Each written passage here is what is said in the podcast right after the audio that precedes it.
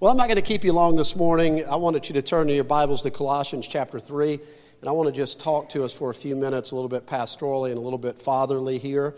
Um, we want to kind of have a family meeting. We didn't have a bunch of things prepared for the, today, but we just felt like we would make room for the family and make room for the Holy Spirit. And I want to just encourage us in some things as we get ready to just walk through a little bit of scripture here, and I want to admonish us in a couple of areas. So I want to I'm going to just say a couple of things about the backdrop of the book of Ephesians and the book of Colossians. They both start off with a with a highly spiritual context, talking about Christ being seated together in heavenly places and all these mysteries of of the Son of God and the Father. And then as you begin to turn through the, the back chapters, it begins to lead into the practical side of what it means to live all of this out. And so there's both the spiritual and the practical application of Christianity. It's like we understand the revelation of God, we re- understand the revelation of Jesus, the Holy Spirit, we've been talking about in this season. And as those things are revealed to us, it also reveals to us our part, the part that we are called to play. Everybody say his part. Say It's amazing when you look at the book of Ephesians as he's laying out this great mystery, then he begins to talk about uh, husbands love your wives as Christ loved the church. And so basically, he starts leading into the practical application of how the mysteries of Christ come alive in, in the natural realm and in the physical realm. And so, how many know that we need to have marriages that exemplify and model how Christ loves the church? Isn't that right? I'm not talking about marriage this morning, but since we got Daniel and Carla getting married and we got all these people getting married around here, I think we need to have some marriages that exemplify and model what the bride of Christ looks like. Amen? So, Colossians chapter 3, verse, uh, verse 12, let's begin reading. Therefore, as the elect of God, holy and beloved, put on tender mercies, kindness, humility, meekness, and long suffering, bearing with one another and forgiving one another if anyone has a complaint against another even as Christ also forgave you, you also must do. But above all these things, put on love, which is the bond of perfection. And let the peace of God rule in your hearts, to which also you were called in one body, and be thankful. Let the word of God, Christ, dwell in you richly in all wisdom, teaching and admonishing one another, psalms, hymns, and in spiritual songs, singing grace in your hearts to the Lord. And whatever you do in word or in deed, do all things in the name of the Lord Jesus, giving thanks to God the Father through him. I want to just talk to us just a few minutes out of this particular passage. And, uh, you know, I want to say again, there's, their, there's his part and then there's our part. And so as Paul is writing, he's telling us our part and our role and our responsibility. And whenever you read through the epistles, you find out that he's giving instruction on how to conduct yourself in the house of God, how to conduct yourself among God's people in, in the relational context. unfortunately, in much of the Christian world that we live in, uh, in this present age, we live in a place where we hear a monologue all the time from the pulpit on Sunday morning, and we don't really understand the body of Christ. We don't understand living as joints and joinings where we're called together to live together and walk together and so when you really read the Bible in its context in the New Testament application, it's giving us the context of living this life in the body of Christ, living the life among the family of God. And can I say, we need to recapture that here. We, we need to recapture that. I, I'm believing God that we'll grow numerically, that we'll go from, you know, where we are now to 300, 400, 500 people. Uh, the, the kingdom of God will have great extension through our lives, but we always need to be committed to the joinings of Christ and the, to the family of God because ultimately this is where we work out our salvation many times. Can you say amen to that? How many understand until you have something to forgive, you never get to identify with the forgiveness of Christ? It, it's real easy to look at the world and go, I forgive them. It's totally different to look at the person sitting next to you that you have an interpersonal relationship with and ask them to forgive you. Isn't that right? So there's their, his, uh, his part and their part. So, verse 12, I want to just back up there, and it says, Therefore, as elect of God, holy and beloved, put on tender mercies. Can I just want you to stop here because what Paul is saying is he's basically saying there's a choice here to put on some things. And so, just like I got up this morning and I had to decide, walked in my closet, there was a choice or decision. What kind of clothes am I going to put them on? Am I going to put on jeans? It's funny, every time I put on jeans, I get more compliments about the jeans than I do when I wear a suit in this church. It's, it, when, you're, when you're the pastor, you're under public scrutiny all the time about how you dress. I want you to know that. And uh, somebody said, Well, David Hay would be excited this morning. You'll definitely be anointed. You'll have on your jeans. But there's a, there's a choice and a decision about what we put on. We get up every day, we make decisions about what we're going to eat, what we're going to do, where we're going to go to work, where are we going to be on time, or are we not going to be on time, who are we going to spend our time with, our life. Our life is a series of decisions that we're making continually. We, we used to say this all the time your life is a series of decisions that you do or do not make. Uh, no decision is a decision. Isn't that right? And so we're, we live our lives by a series of decisions continually. Everything from what we wear to what we eat to the people that we hang around with to the, what we give our life to. It is a series of decisions that we are continually making. And so Paul is addressing them and he's saying, listen, he's saying, I want you to, to put on these things. He said, as the elect of God. Look at somebody and say, You're the elect of God. Come on, look at him and say, He's talking to you, not me. And it says, it says, therefore, as the elect of God, holy and beloved, put on tender mercy. So he's saying, listen, this isn't something that's going to supernaturally come upon you. This isn't going to happen through the laying on of hands. This is a responsibility as a believer that you would put on tender mercies, that you would handle each other's out of the mercy of God. He goes on to say that you would put on kindness. How many understand we need kindness in this world that has become incredibly abrasive and incredibly cruel? And it, I want to say it again it's real easy, easy to be kind to people you like. It's a whole other thing to be kind to people that you don't like. All right? I had, a, I had a real trial at work uh, a couple of weeks ago where a guy really mishandled me, blew up, got upset, threw a fit, and everything. And I was like, God, what is all this about? And I've kind of gotten to the point where I don't take these things personal, where I, I start understanding it's an opportunity for me to practice Christ, to, to put on Christ. It's like, okay, I, am going through ridicule here. I, I, I don't deserve this. I, what I'm experiencing right now is unjust. I don't like what's going on. I, I don't particularly care for it. I feel like I could be treated better, handled better right now. But I have an opportunity right now to put on Christ. I have an opportunity to put on Christ. And, and so, what was really interesting out of that altercation is that I looked up in the following week, uh, this, this man, his, young, his son, was sitting in our church for the very first time. And I thought, what if I'd have got bitter, offended, and upset, and I would have gotten in, gotten in way of what God wanted to do in a redemptive way? And so we have these opportunities to put these things on, to make a decision to put on Christ. So he says, put on mer- uh, tender mercies, uh, kindness, Listen to this humility. Can you just say this? Humility is a choice. Come on, can you say that again? Humility is a choice. Say this pride is a choice. Come on, say this God gives more grace to the humble. If you put on humble, put on humility, you'll receive more grace. Now look at somebody say, Don't you want more grace?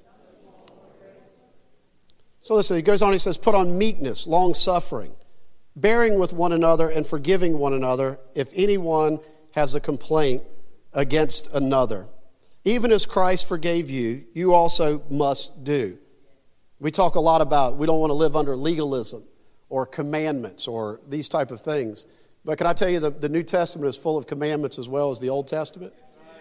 And Paul is saying, listen to this. He said, uh, uh, he's saying you must do these things. These are not optional, they're not a choice. If you're going to be Christ like, if you're going to be uh, in Christianity, you must also do these things. But listen to this. But above all these things, put on love, which is the bond of perfection. And let the peace of God rule in your hearts, to which you also were called. Listen to this in one body and be thankful. Can you just, just hear that? Let the word of God speak to us this morning. But above all these things, put on love. Can you just say this? Love is a choice. Come on, say love is a decision. Love is a person. His name is Christ.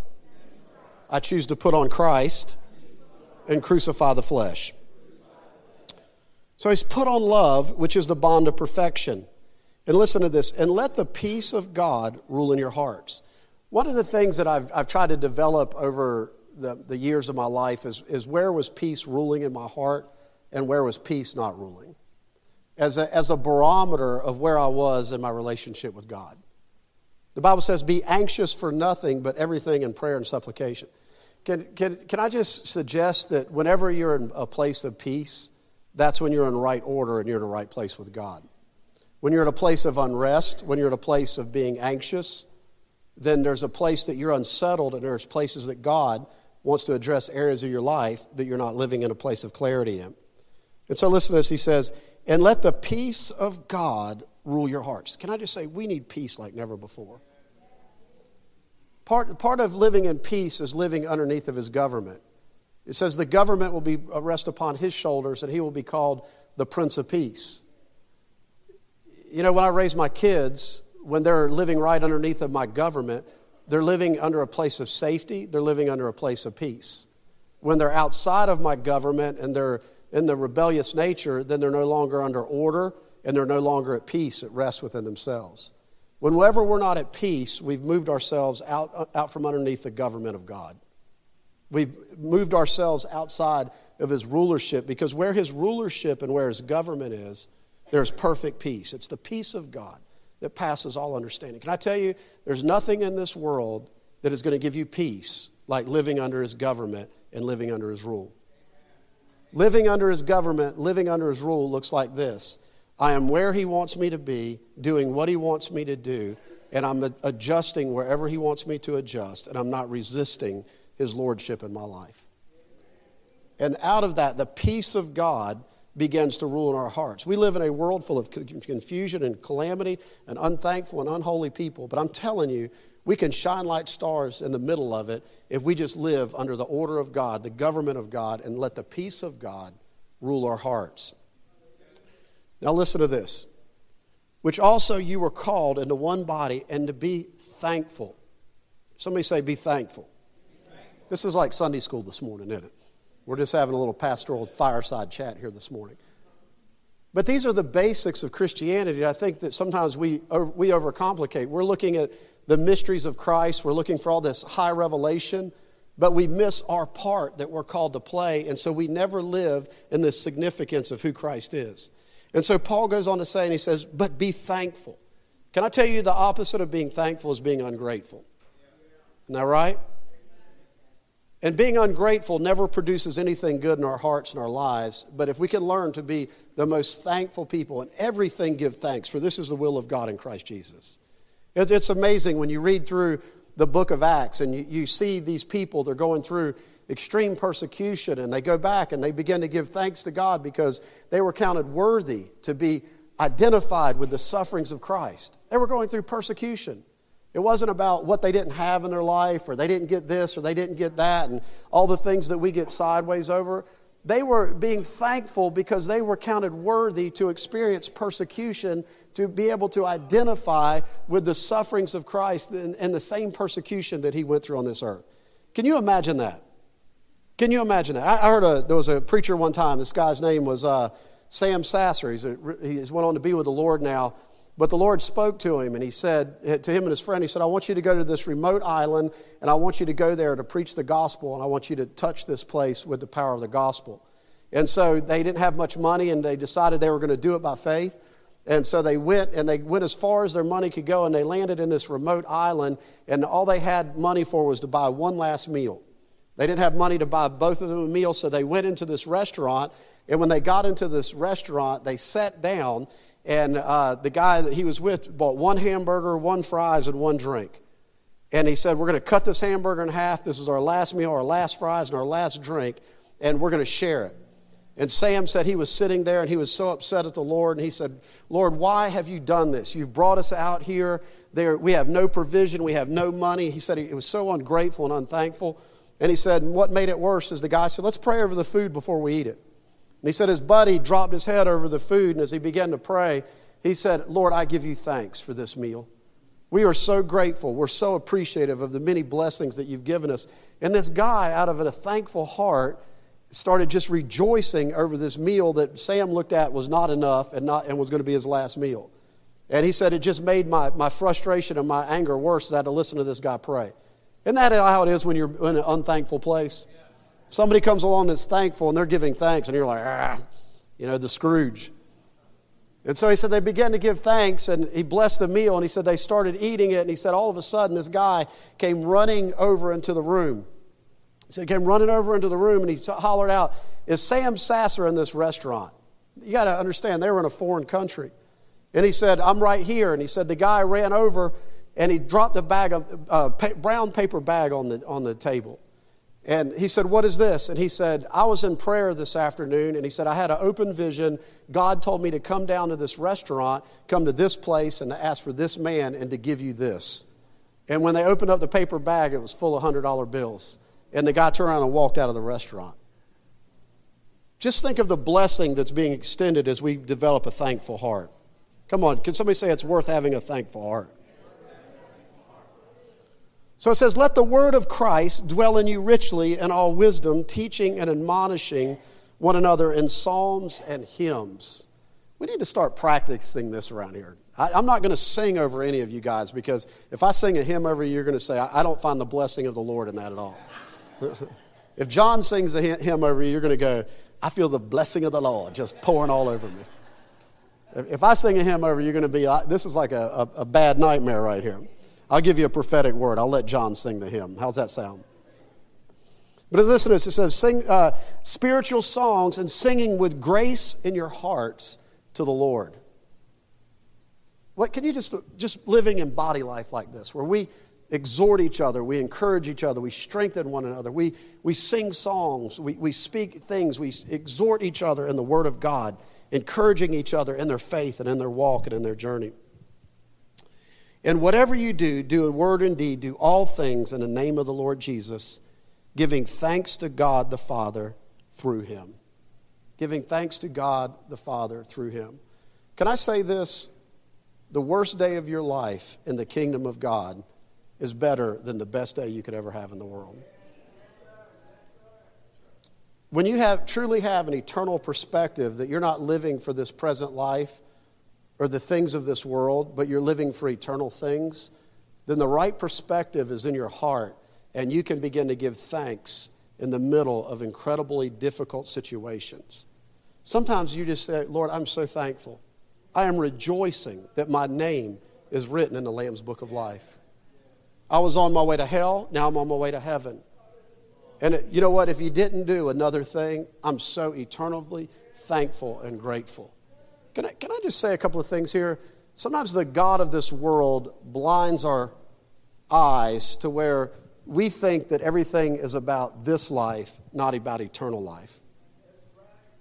And our perspectives get jaded just enough and just twisted enough that when God doesn't come through in the way that we think He should come through in a material world, then we become ungrateful, unthankful, complainers, warriors, strike, all these, all these things. But when our faith is rooted in eternal things, it doesn't matter what it cost us in this life. We are glad that our home is in heaven and we're going to live in the presence of God. It doesn't matter what it cost us in this life because our home is rooted in eternity.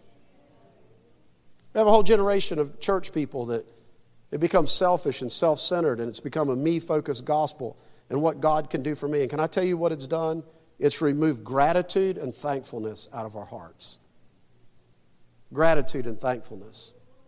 I've been through incredible pain the last five or six years. There was times that the nerve pain was so strong down my legs I couldn't get out of bed. I did exercises uh, yesterday, and I'm like I'm standing up here. I'm a little bit having a hard time standing because of the instability of my SI. But one thing I've learned over the last six years is, you know what? It's okay. It's okay. Because you know what? If it changes, praise God. If it never changes, you know what? I'm going to live in eternity in the presence of God. And one day, this mortal body is going to pass away, and I'm going to have a resurrected, glorified body that is not going to know pain or affliction anymore. And if I can just keep my perspectives rooted in eternal things rather than physical things, and even when I suffer in this life, I can gain Christ and maintain a grateful heart maintain a heart of thank, thankfulness. This morning, I want to just close, and I want us to do a little bit of bodily exercise here this morning. You know, I want us to practice the scripture. If we just live in a church where we're speaking in a monologue all the time, where do we practice the scripture? We have to practice them in relational life. And so I want us to get up and I want us to put on some things this morning. I want you to, to put on. I don't care how you came through the door, I don't care how rough and gruff, but I want you to put on. Listen to this. As the elect of God, put on tender mercies, kindness, humility, meekness, long suffering, bearing with one another, and forgiving one another if anyone has a complaint against another, even as Christ forgave you, so you also must do. But above all these things, put on love, which is the bond of perfection.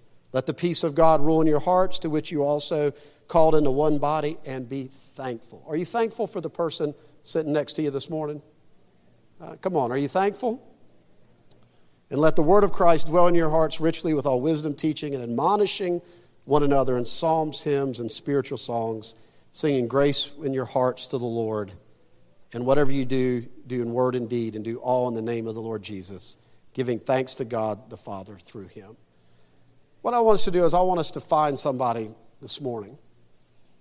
And I want you to understand that you're carrying something to admonish, to exhort, to encourage your brother and sister. There's unforgiveness in your heart, go and get it right. Move the obstacle out of the way. Leave the altar, you know, and, and go get the issue of your heart right. And deal with the unforgiveness, the bitterness, the resentment, whatever's there, and get things right with your brother. And it doesn't mean that you go, you did this to me and I'm mad. It means, no, I just forgive you and it doesn't even really matter anymore. Because I'm eternally grateful that even if you mishandled me, God used it to work something even greater in me for his kingdom and for his glory. Let's find people this morning that you may hold grudges. One of the most amazing things was my dad got saved six months before he found out he had pancreatic cancer. I never saw my dad cry, but I watched him go and pick up the phone and call people that he'd had grudges against 20, 25 years. Only saw him cry one time, and that was at his dad's funeral. But you know what? When he got saved and he got born again, I watched God break him down like a baby and all the hardness of his heart. And I would watch him with a phone cord and a phone to his head, weeping and sobbing, saying, Forgive me, I've held grudges against you for 25 years, and I'm asking you to forgive me. Six months later, they found out he had pancreatic cancer. Can I tell you, God was getting him ready to live in the presence of God for eternity. There is no unforgiveness in heaven.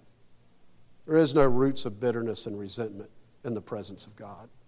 All those things are things that become distractions in our life here. But don't you want to just get rid of them, move them out of the way, and become thankful, become grateful, put on tender mercies, put on love, be appreciative of the people that are next to you that are fighting the good fight of faith? I want you to get out of your seat this morning. Go find somebody in the house of God. Let's practice being the body of Christ and his people this morning.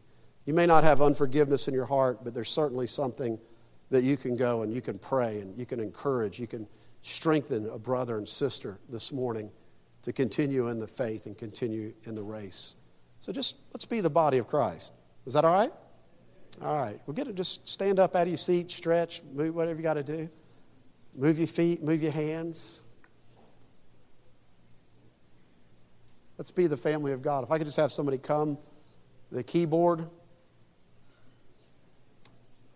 tell them I'm coming to practice Christianity this morning. Can you do that? We're coming to be a real believers, a real family. Serve one another, love one another.